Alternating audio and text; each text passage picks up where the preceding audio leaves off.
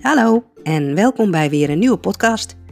Mijn naam is Marga Hogenhuis en ik ben een oplossingsgerichte therapeut.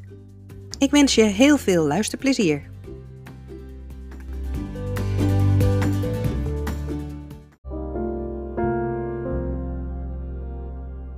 Wat kan ik doen aan jaloezie?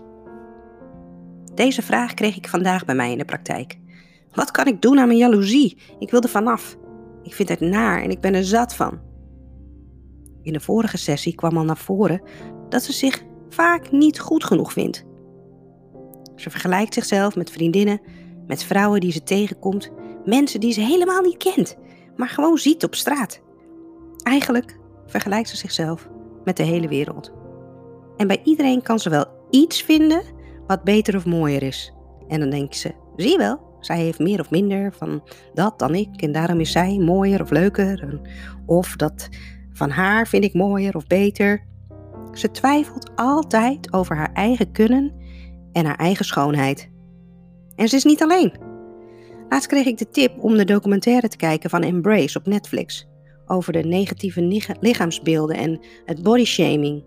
En van alle meiden die werd gevraagd: wat vind je van jezelf? was er bijna niemand tevreden. Echt shocking. Shocking hoe het zelfbeeld van vrouwen is verstoord. Echt een aanrader en een eye-opener. Je kunt op de uh, blogpagina van mijn website de trailer vinden van de docu. Of als je Netflix hebt, zoek hem op en ga het kijken. Echt een aanrader. En begrijp me niet verkeerd, want zij is echt een beauty om te zien. Met ongelooflijk mooi haar, met krullen om jaloers op te worden. Prachtige ogen, een intense blik, een fantastisch lijf en ze is ook nog eens slim en scherp. Maar waarom is ze dan jaloers? Achter jaloezie schuilt namelijk onzekerheid. En haar overtuiging, ik ben niet goed genoeg, wordt continu bevestigd door te kijken naar mensen om haar heen en daar iets van te vinden. Maar hoe kom ik er dan vanaf?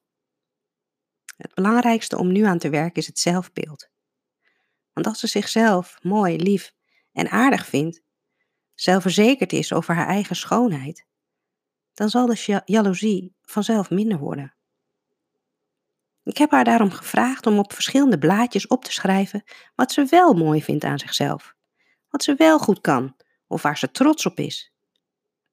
En door te focussen op de positieve dingen verlegt ze de aandacht. En dat wat je aandacht geeft, groeit. En haar zelfverzekerdheid mag nog wel meer groeien. Dus, ik heb gezegd, stop de blaadjes niet weg. Schrijf het in je notitieboekje op, plak ze ergens op.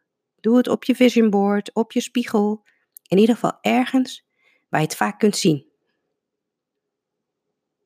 Wees lief voor jezelf.